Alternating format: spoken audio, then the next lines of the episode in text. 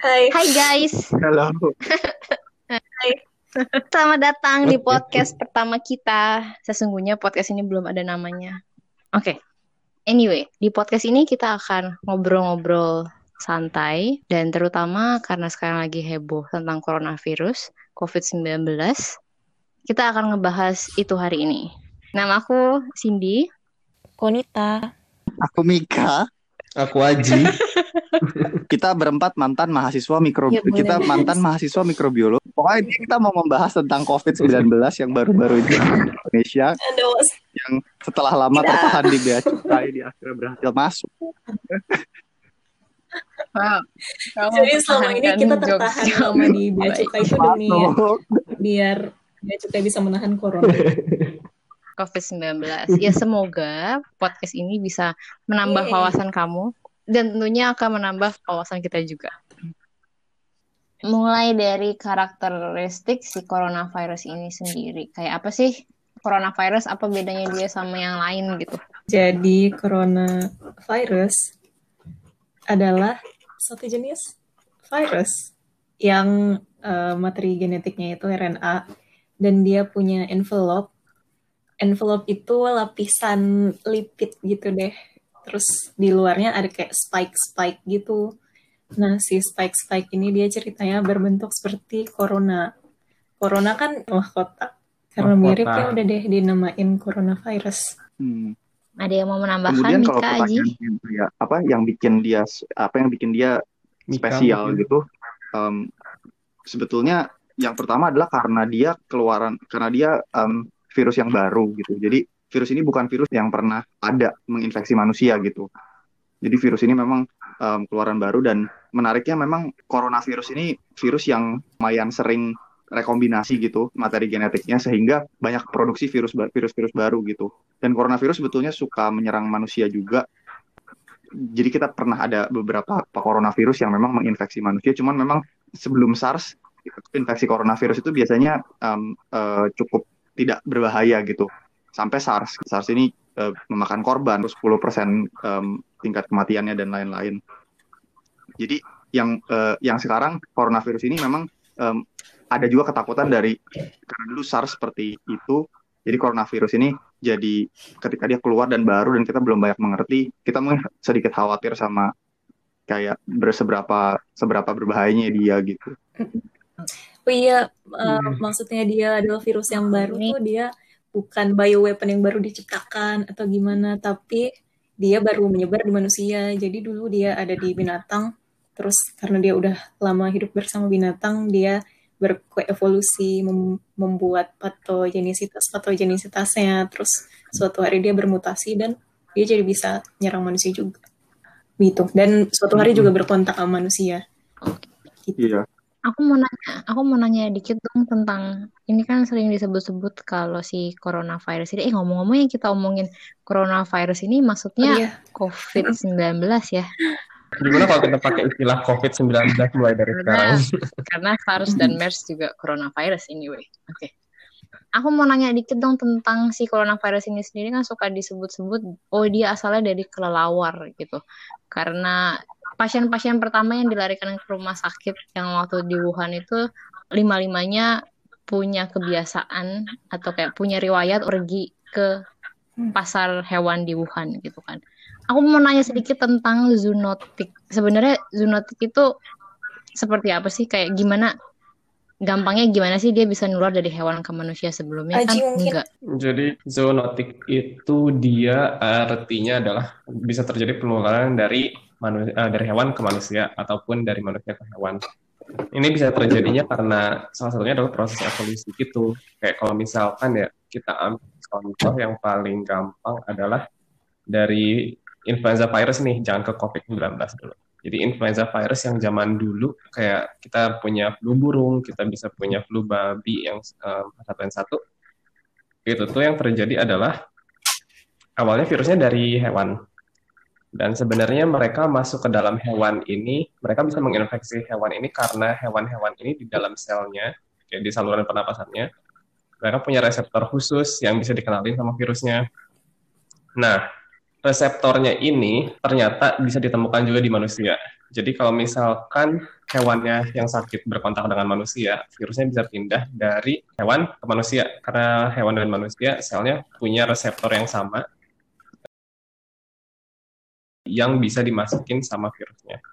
Jadi itu salah satu syarat terpenting supaya bisa terjadi penularan zoonotik adalah bahwa si hewannya sama manusianya ini, sel-selnya nih, sel-sel di dalam tubuhnya punya karakteristik tertentu yang mirip yang bisa bikin virusnya menginfeksi hewan dan manusia kayak gitu. Dan mungkin sebenarnya dari dulu reseptornya dia ini mungkin memang bisa dikenalin sama manusia. Cuman mungkin dulu jumlah virusnya sendiri terlalu dikit sehingga hewan yang terinfeksinya dikit dan dulu mungkin nggak ada kontak antara hewan sama manusia gitu. Ada kontak Tapi sesering lama, sekarang gitu kali ya maksudnya. Iya, nggak ada hmm. kontak sesering sekarang gitu. Tapi karena tambah lama um, frekuensi paparan virusnya makin tinggi, jadi penularan di hewannya makin tinggi. Terus habis itu hewannya kontaknya makin tinggi juga sama manusia. Akhirnya uh, virusnya nular dari hewan ke manusia. Oke, okay, oke, okay, okay. Kayak gitu. Oke, okay, tadi udah di-mention soal reseptor tuh bolak-balik. Kayak sebenarnya uh, corona si COVID-19 ini kan juga dalam keluarga coronavirus yang sama kayak SARS dan MERS. Ada nggak sih kesamaan reseptor di antara Sebetulnya mereka? ada yang sama sih. Um, salah satu contohnya, jadi sebetulnya coronavirus ini um, kita masih belum secara clear tahu gitu bagaimana mekanisme dia masuk ke dalam sel sel kita gitu. Tapi yang jelas satu yang kita tahu coronavirus itu dia uh, menginfeksi epitel yang ada di saluran pernapasan kita. Sebetulnya SARS juga sama menginfeksinya. Salah satu reseptor yang kita tahu itu karena kayak ini tuh um, kita benar-benar buta gitu berjalan di dalam kegelapan. Tapi sebetulnya nggak gitu juga gitu karena kalau dari lap ini ini dari laporan WHO yang terakhir itu yang um, kerjasama sama Cina gitu untuk mereka pelajari virusnya secara menyeluruh seperti apa. Yang pertama eh, COVID-19 itu kalau kita bandingkan DNA-nya gitu, dia punya 96% kesamaan sama coronavirus dari kelawar gitu. Namanya RA-TG13, bad coronavirus gitu. Um, yang coronavirus di kelelawar ini di, di, disebutnya dengan SARS-like coronavirus. Jadi sebetulnya dia mirip seperti SARS. Dan sebetulnya nggak aneh juga kayak um, nama ilmiah gitu dari COVID-19 um, itu sebetulnya kan namanya SARS coronavirus 2 nggak beda sama SARS gitu. Jadi sebetulnya ada banyak kesamaan sama SARS yang kita bisa pelajari dari dari SARS gitu. Dan SARS sudah dipelajari kayak um, SARS sudah dipelajari cukup lama sama sama peneliti. Uh, makanya kita bisa langsung tahu bahwa bahwa dia bisa pakai reseptor yang sama gitu. Itu karena itu karena memang cukup ada kesamaan. Kita nggak benar-benar dalam kegelapan kok gitu. Makanya ada beberapa obat yang udah dites dan sebetulnya ada efektivitasnya terhadap coronavirus yang COVID-19 ini. Dan meskipun namanya adalah SARS coronavirus 2, um, tidak perlu ada kepanikan bahwa oh ini berarti SARS versi kedua gitu. Oh berarti ini mematikan itu. Karena pada dasarnya ini nggak sampai mematikan SARS kok. Dia kalau SARS kalau nggak salah dia tingkat mortalitasnya itu berapa mix 10 persenan ya kalau nggak salah ya. Dengan kalau misalkan COVID-2 ini ada di sekitaran 2 persen. Jadi meskipun dia memiliki karakteristik yang mirip sama SARS, bukan berarti dia adalah upgrade-nya dari SARS gitu, bukan dari SARS 1 jadi SARS 2. Oh, ini upgrade. Ini lebih menakutkan lagi. Enggak gitu. Waspada boleh tapi jangan sampai paniknya kelewatan. Hmm. Karena ya itu benar kayak kata Mika, meskipun kedengarannya serem, sebenarnya ini artinya adalah bahwa kita udah tahu cukup banyak juga kok tentang virusnya kita nggak start dari nol lagi untuk meneliti si virus si COVID-19. Nah, sebenarnya dari reseptor ini kita bisa tahu nggak sih gimana cara virus itu menular lewat mana gitu? Tidak bisa.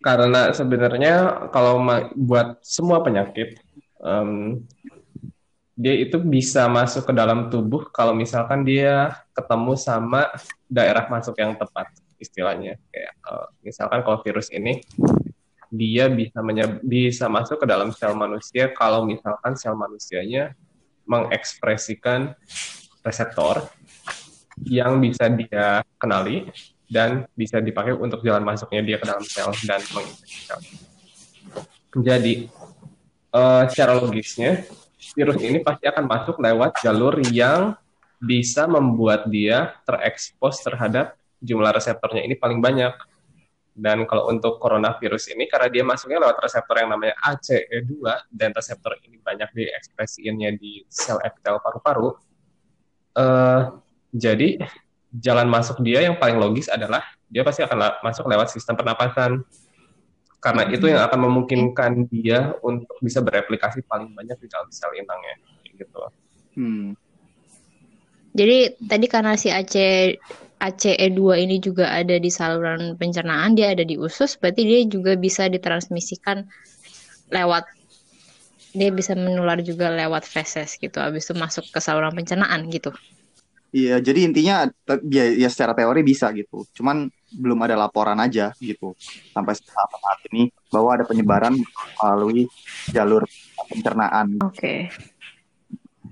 Jadi kalau mungkin, ya, mungkin ya ini mungkin ini mungkin gitu, tapi um, mungkin disebabkan karena misalnya virusnya memang lebih teradap uh, lebih teradaptasi lewat jalur untuk lewat lewat jalur pencer, uh, pernapasan misalnya. Um, coronavirus yang yang ada di hewan gitu, dia biasa masukkan memang lewat jalur per, pernapasan gitu. Oh iya satu lagi hoax juga ya, yang yang tuh yang hoax yang yang perlu di yang perlu diluruskan juga gitu, bahwa hmm. memang kita menemukan banyak kesamaan um, dari coronavirus yang dari COVID-19 ini dengan dengan coronavirus di kelelawar gitu. Tapi itu bukan berarti bahwa oh berarti ini gara-gara orang orang-orang yang di Cina itu makan kelelawar misalnya. Itu aja pertanyaan gitu apakah mereka memang benar makan seperti itu gitu. Um, tapi maksudnya bukan berarti kalau mereka makan dari kelawar kemudian masuk coronavirusnya ke, ke kita. Sebetulnya enggak gitu. Itu cuma menunjukkan bahwa um, kemungkinan besar virus itu memang awalnya ada di ada di kelawar gitu. Tapi ternyata memang kita menemukan bahwa kemungkinan besar bukan langsung directly dari kelawar ditransmisikan ke manusia gitu. Kita sampai sekarang masih belum tahu apakah uh, ada in ada apa namanya ada ada uh, hewan-hewan yang sebetulnya yang sebetulnya jadi penyebar utama dari coronavirus gitu. Karena itu memang diduga terjadi gitu. Jadi memang ada hewan yang yang jadi jadi penyebar si coronavirus itu bukan kelelawar kemungkinan besar gitu. Meskipun dari kelelawar dan sampai sekarang binatangnya belum ketahuan gitu. Kalau transmisi dari orang ke orang itu gimana sih lewat apa? Dia ditransmisinya itu sebetulnya dengan droplet dan um, fomites gitu. Jadi untuk disederhanakan apa itu droplets dan fomites itu sebetulnya um, kalau kita ngomong dan kita muncrat, nah itu it, dan itu ininya tuh apa namanya si si ludah-ludahnya itu yang berterbangan itu, nah itu bisa jadi tempat di mana virusnya bisa keluar gitu. Transmisi. Tempat virus bisa keluar. Oh, Maksud, keluar dari sel tubuh. Ah, iya, oh, ke orang lain. Ah, okay. nah, kap, uh, apakah dia keluar setiap waktu kita muncrat gitu itu tidak gitu jadi untuk beberapa jenis virus-virus um, khususnya yang yang yang menyerang saluran pernapasan ya um, itu um, kita sebetulnya paling paling menular itu ketika kita sakit gitu makanya uh, yang disarankan oleh WHO memang ketika kita um, sakit baru kita pakai masker gitu. Meskipun gini loh teorinya kalau kita udah kena virusnya ah, bentar. sorry sorry aku potong. Sakit ini maksudnya kamu udah muncul gejala gitu kan ya? Udah muncul gejala. Kayak batuk. Okay. batuk dan bersin-bersin dan meler. Itu sebetulnya disarankan untuk pakai masker gitu. Tapi sebetulnya um, ada juga memang um, ada juga kekhawatiran begini loh. Maksudnya um, apakah orang yang gak sakit itu tapi ada virusnya gitu. Apakah dia tidak bisa menularkan? Begitu misalnya. Itu kan jadi pertanyaannya juga gitu. Aku mau nanya. Tidak. Ya, gimana caranya ya, yang kan? belum bergejala ini bisa menyebarkan virus? Sebetulnya sama rutenya sama gitu. Cuma bedanya um, cuma bedanya kalau memang sebetulnya sama sih. Um, waktu dia batuk dan waktu dia ngomong misalnya gitu. Waktu dia mengeluarkan um, lendir dari saluran pernapasannya gitu. Maksudnya kan berarti virusnya udah ber replikasi kan di dalam tubuhnya. Tapi kan dia belum sakit tuh. Kok bisa badan dia belum sakit tapi dia udah memproduksi virus sampai bisa disebarkan? Wah, ayo Ji, silakan jawab Ji. Dia nggak jadi sakit, hmm. kenapa bisa? Karena mungkin jumlah virusnya sendiri dalam tubuh belum sampai ke tingkat yang cukup tinggi untuk dia menyebabkan penyakitnya gitu. Karena sebenarnya penyakit itu kan muncul karena kemungkinannya ada beberapa nih. Satu, virusnya tumbuh, terus habis itu dia nyebabin kerusakan di jaringan selnya orangnya gitu. Jadi kayak kalau misalkan dia menyebabkan kerusakan jaringan, itu kan bakal menyebabkan orang sakit karena mau gimana juga jaringannya terluka. Dan kalau misalkan jaringannya terluka, yang bisa muncul lagi adalah uh, si tubuh ini dia bakal berusaha untuk memperbaiki kerusakan jaringannya dan ngilangin virusnya. Um, dan respon tubuh untuk memperbaiki jaringan yang rusak dan menghilangkan virusnya ini ini namanya adalah respon imun salah satunya.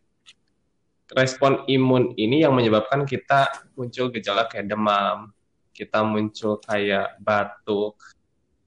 Itu tuh sebenarnya adalah karena respon imun kita bekerja untuk menghancurkan si virusnya gini itu dan berusaha memperbaiki jaringan-jaringan kita yang lagi sakit. Nah, kemungkinannya kalau misalkan virusnya udah masuk tapi orang yang nggak nunjukin gejala adalah itu virusnya udah cukup bereplikasi banyak, tapi dia tidak menyebabkan kerusakan jaringan yang fatal yang bikin respon hmm. imunnya kepacu. Atau mungkin aja memang respon imun dari orangnya nggak begitu bagus. Jadi meskipun udah kena virus, dia nggak memicu respon yang baik untuk menghancurkan si virusnya itu. Jadi ya virusnya ada aja, tapi orangnya kayak nggak kelihatan sakit. Oke, okay, oke. Okay. Jadi orang yang jadi orang yang sudah terinfeksi tapi belum sakit, dia juga bisa menularkan ke orang lain.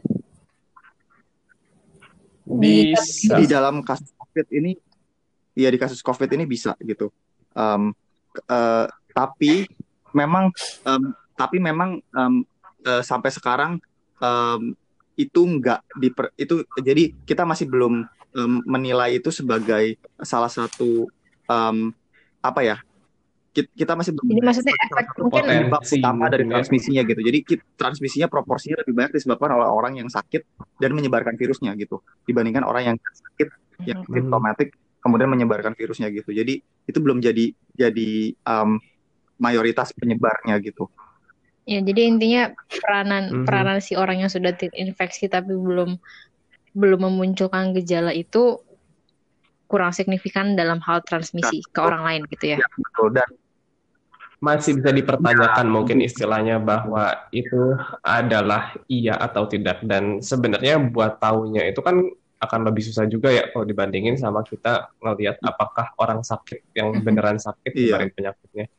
Karena susah buat lihat dari luar gitu.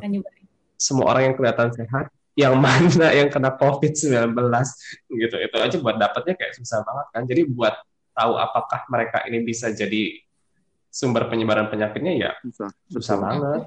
Dan uh, satu lagi juga um, di beberapa pasien juga udah ada laporan bahwa kalau dia buang air besar ya ada itunya, ada virusnya juga gitu. Tapi ya, hmm, di dalam tapi kembali itu. lagi gitu, kayak um, itu tidak dipercaya juga sebagai salah satu um, sebagai kontributor yang besar di dalam penyebaran si COVID ini gitu. Jadi masih masih mainly masih uh, dipengaruhi oleh yang sakit dan menyebarkan. Mungkin bisa ditekankan gejalanya apa aja sih yang biasanya muncul? Gejalanya batuk. Ji, Aji. Hmm? Gejala yang muncul itu ya, kalau kita lihat dari publikasi-publikasi orang sebentar, dia itu gejala yang munculnya itu kayak ada batuk, jelas pertama kan terus bersin-bersin, sakit tenggorokan, ingusan.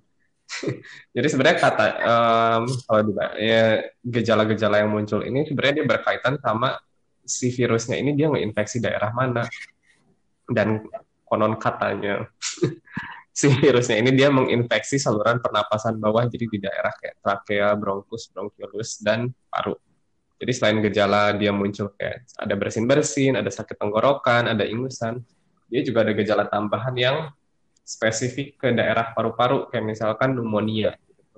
Jadi gara-gara dia bisa menyerang ke daerah paru-paru, paru-parunya kan nggak berfungsi dengan baik kan, jadi muncul pneumonia. Terus orangnya kesusahan bernapas juga, dia Sesak mengalami uh, kadar oksigen yang bisa masuk ke dalam parunya itu turun karena hmm. paru-parunya rusak kayak gitu jadi, jadi ya itu juga kali ya karena um, kan covid nggak semuanya um, sampai situ kan gitu jadi ada beberapa yang memang dia nggak um, pro nggak nggak nggak sampai nggak sampai ke kena pneumonia misalnya dan lainnya mungkin um, yang tadi Aji Mm-mm. bilang kan kayak hanya batuk-batuk, pilek gitu. Itu kan mungkin lebih ke yang gejala ringannya gitu kan.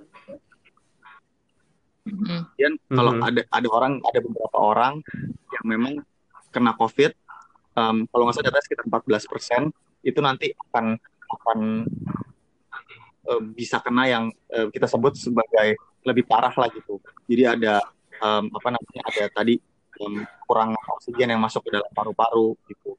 Sehingga sebenarnya butuh oksigen dimasukin Hmm. terus gitu di pompa.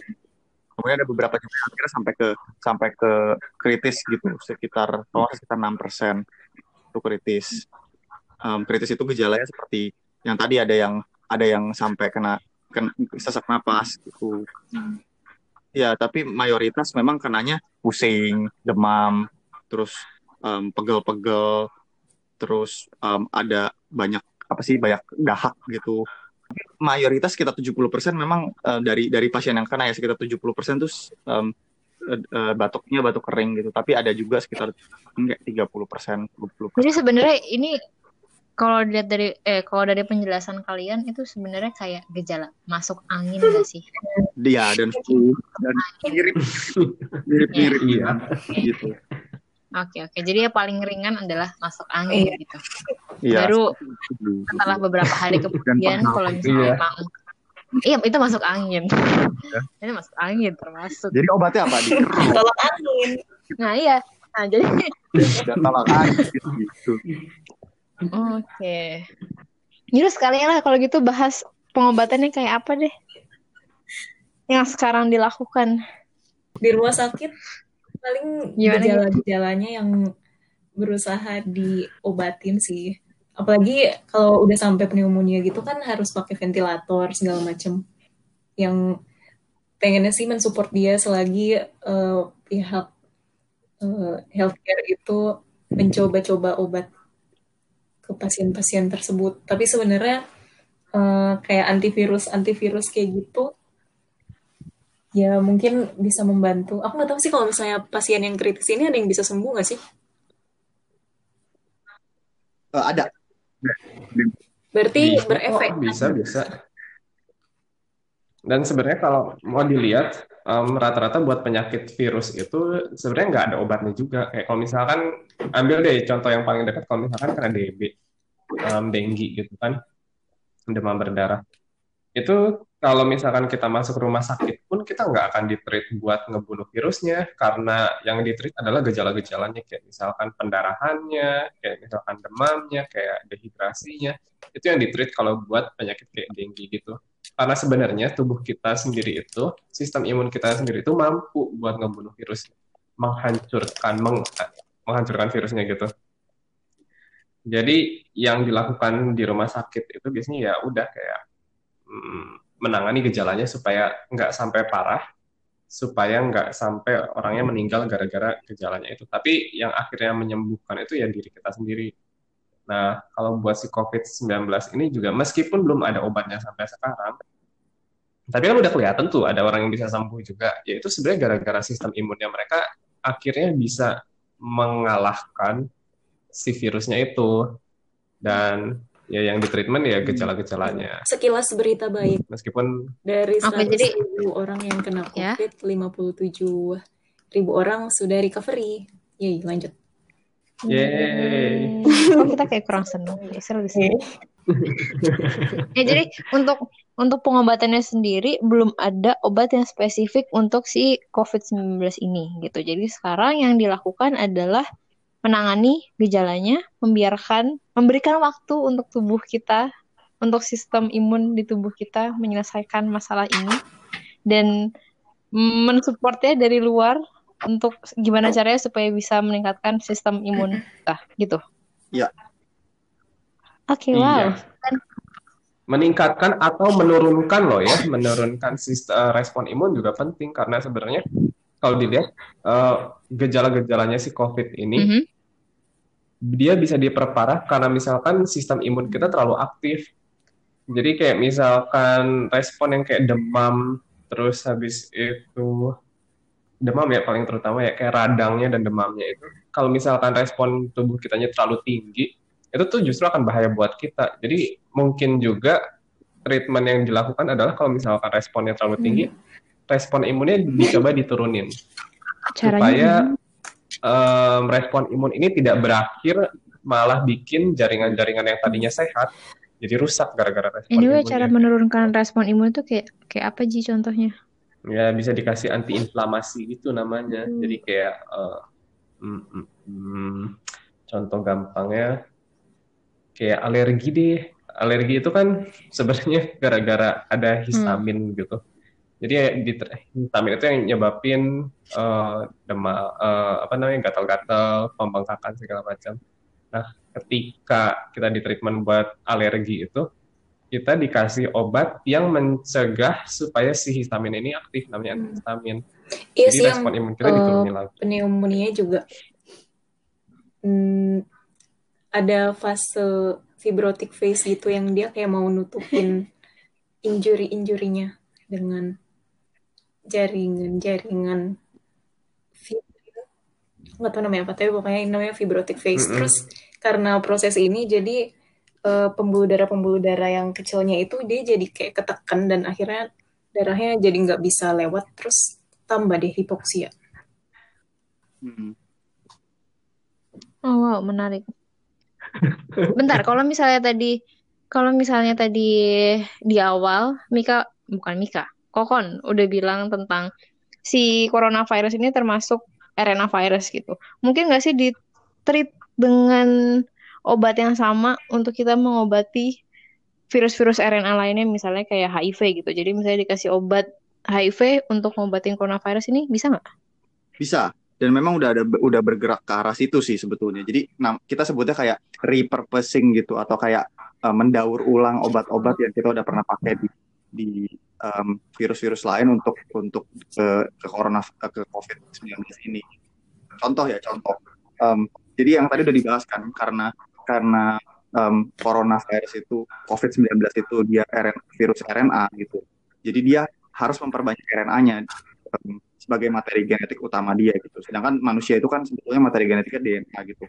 Nah, ini salah satu em, salah satu treat eh, apa namanya eh, potensi eh, target yang berpotensi gitu karena bera- eh, virus itu punya protein tertentu yang dia fungsinya memang untuk memperbanyak RNA RNA-nya si virus. Yang kita tidak memperbanyak RNA kita gitu. Kita memperbanyak DNA kita gitu. Waktu kita sel waktu sel kita Nah, jadi banyak nih yang bisa dipakai itu. Salah satu contoh yang udah yang udah di- dicoba itu um, eh, ada obat namanya um, remdesivir gitu. Remdesivir ini um, sebetulnya dia um, seperti dia seperti apa namanya? Dia seperti jadi dia me- menghambat kerja si si RNA ini, si apa protein yang untuk memperbanyak RNA ini gitu. Itu udah di- dicoba gitu. Meskipun memang um, apa namanya? eh, nggak terlalu nggak ter- masih masih belum masih belum apa namanya masih belum keluar datanya seperti apa gitu. Um, ada obat lain namanya um, favipiravir. Um, kalau dari catatan kalau dari catatan gua, dia dia, um, dia cukup aktif um, waktu dicoba. Jadi kan kita udah bisa for, uh, COVID kan sekarang itu udah dicoba, tapi um, konsentrasi yang dibutuhkan cukup tinggi gitu. Jadi masih perlu dioptimasi lagi lah ibaratnya apa yang kita apa yang udah dicoba gitu. Jadi sebetulnya bisa gitu, bisa jawabannya. Um, dan um, Oh. tadi remdesivir itu um, kalau remdesivir itu sekitar lebih rendah dia ininya um, konsentrasi yang kita butuhkan, which is berarti lebih efektif gitu kan. Um, ini dan remdesivir itu udah udah udah apa namanya remdesivir ini udah udah dicoba um, clinical trial, udah di fase 3 gitu. Fase 3 itu sebetulnya udah dicoba ke orang. Pasien corona ke pasien COVID-19-nya ini gitu. Jadi udah ada udah ada eh, udah ada itu gitu. Dan sebetulnya kalau kita lihat em, coronavirus itu eh, si COVID-19 ini juga dia dia di, di gennya itu dia sebetulnya memproduksi eh, protease juga. Jadi untuk protein protein yang yang berfungsi untuk memotong protein lainnya gitu. Nah, si protease ini ada beberapa yang mirip misalnya Hmm. um, dengan dengan yang ada di HIV misalnya gitu um, dan dan itu bisa dipakai juga jadi an- jadi sebetulnya protease inhibitor gitu jadi penghambat protease gitu menghambat si, si protein pemotong protein ini itu bisa dipakai juga gitu. Tapi yang memang yang paling sekarang yang cukup banyak dipakai di uh, menghambat RNA uh, replikator ini gitu. Remdesivir salah satunya. Wow. Iya. Oke. Rem- Remdesivir cukup banyak digunakan. Dan yang terakhir sebetulnya juga ada yang orang-orang yang mencoba pakai anti malaria gitu karena um, malaria masuk ke dalam sel kita gitu, ke dalam sel darah merah. Um, Virus so- bisa resisten obat juga seperti bakteri. bisa karena sebetulnya virus kan bermutasi, ya kan? Meskipun memang um, meskipun memang um, dia se- eh, kemungkinan untuk dia maksudnya gini, um, karena virus itu dia kalau dia di luar hostnya dia tidak bereplikasi gitu, berarti kan dia nggak nggak ada keharusan. Jadi virus itu sebetulnya mutasinya lebih random kan akhirnya karena dia um, memang um, nggak nggak ada di dalam nggak ada di dalam, maksudnya dia nggak nggak punya eh, driving force dia nggak punya um, ini untuk dia memang bermutasi dan dan tumbuh gitu. Karena kalau dia nggak tumbuh pun nggak ada masalah gitu kan. Jadi memang eh, sedangkan kalau bakteri kan memang dia um, dia memang harus harus berkembang gitu kan. Dia harus harus um, replikasi gitu. Sehingga memang tidak ada ada macam tekanan untuk dia bermutasi dan menghasilkan ini yang baru gitu menghasilkan eh, eh, apa ya bakteri-bakteri yang resisten gitu. Jadi mungkin sih memang nggak nggak se nggak susah bakteri gitu eh, nggak segampang bakteri gitu. Tapi ada itu terjadi. Dan anyway kalau misalnya ngomongin kayak misalnya mutasi gitu ya kayak SARS gitu.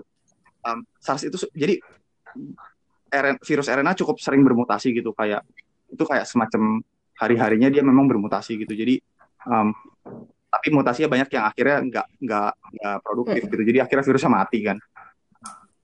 Sebetulnya gitu. Um, nggak nggak nggak fungsional gitu Cuma kalau dilihat kayak misalnya um, salah satu contohnya SARS gitu.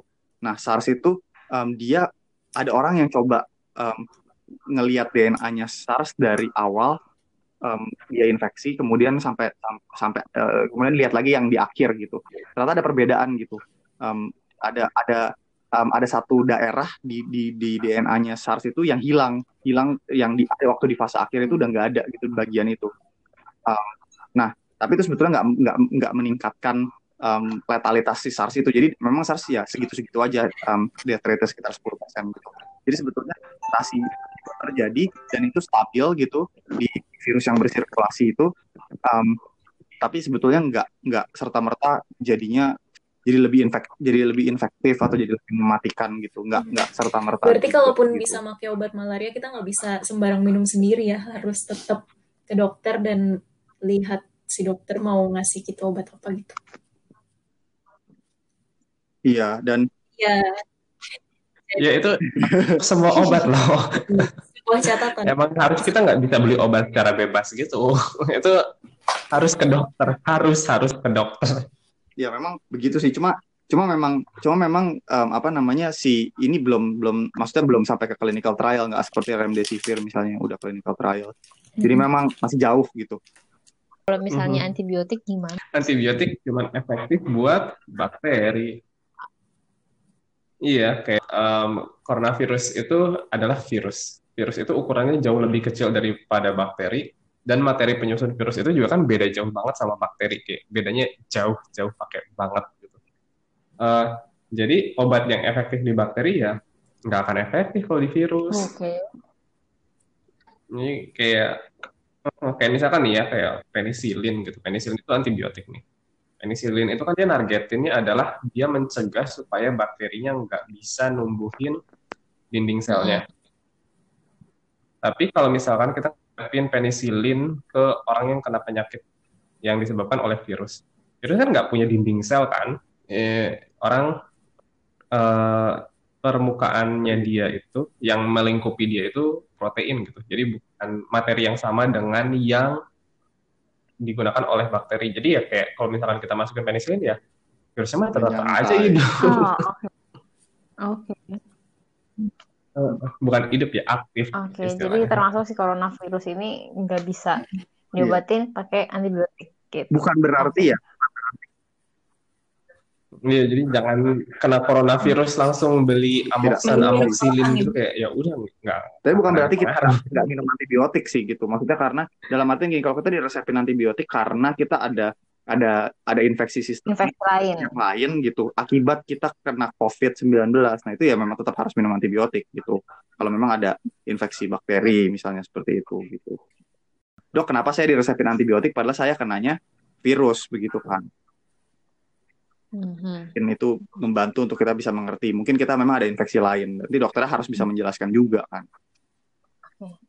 jadi nggak salah ya kalau misalnya nanya Harus ke dokter ditanya tuh malah. ya bukan nggak percaya berarti Kita Iya. berhak tahu. tapi karena ingin Harus ditanya. karena ingin mengerti Mhm.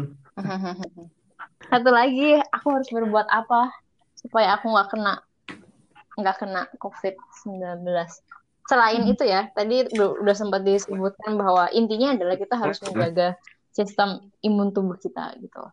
Nah terus setelah itu ada nggak hal lain yang, har- yang harus kita lakukan? Karena kan setelah si coronavirus ini setelah ada kasus coronavirus di Indonesia lalu kan jadi pada banyak yang panik maskernya pada habis gitu hand Terus sanitizer jadi bikin juga habis sanitizer sendiri, aloe vera 50%, Di mana-mana. enggak, alkohol 70%. Coba. 50. iya Jadi gimana gimana coba coba diluruskan harus sebenarnya kita kita lakukan harus tuh ngapain yang pertama cuci tangan sering-sering karena kan ya, coronavirus ini nyebarnya lewat droplet nih. Tapi kemungkinan kita berhadapan sama pasien terus kemuncratannya itu sebenarnya kecil. Yang lebih besar adalah kita megang permukaan yang udah dia muncratin. Nah, kalau misalnya kayak gitu, kalau kita cuci tangan udah deh Hmm. nggak jadi ketularan walaupun kita habis megang segala macam.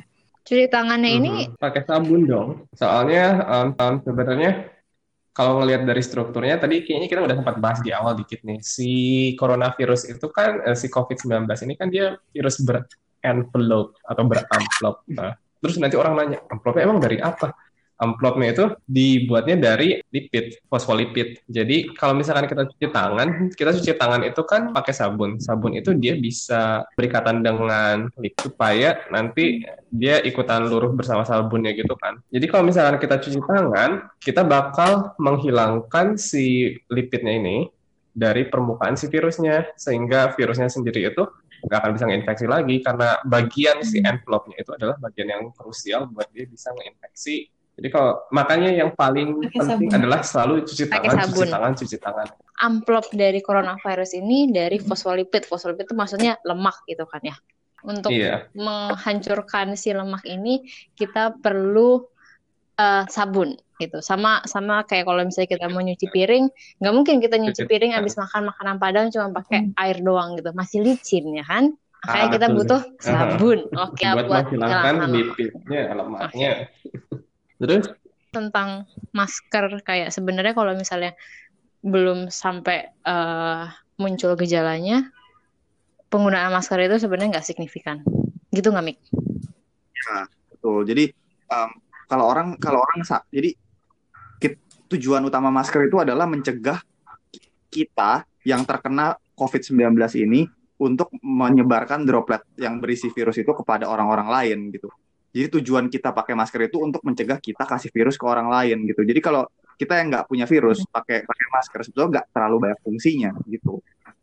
Nah memang ada kekhawatiran gitu kayak misalnya kalau ada orang yang sakit tapi nggak pakai masker gitu, gimana di publik di tempat-tempat umum gitu.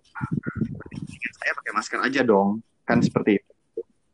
Maka itu sebetulnya awareness itu juga penting gitu. Orang yang rasanya sakit meskipun nggak pernah kontak sama coronavirus gitu. Misalnya sakit mungkin flu aja atau misalnya um, sakit um, pilek aja gitu. Ada baiknya ya pakai masker ketika kita sakit gitu. Sehingga orang-orang juga rasanya aman yang nggak yang nggak yang nggak sakit nggak perlu pakai masker itu merasa aman karena di lingkungannya orang-orang sadar gitu bahwa kamu sa- saya sakit dan saya perlu pakai masker untuk tidak menulari kamu. Terus kemudian kayak kalau kita pakai masker, em, maksudnya kalau kita akhirnya jadi panic buying gitu yang kita beli segala macem beli beli apa namanya beli masker sampai sampai eh, kotak-kotak gitu misalnya.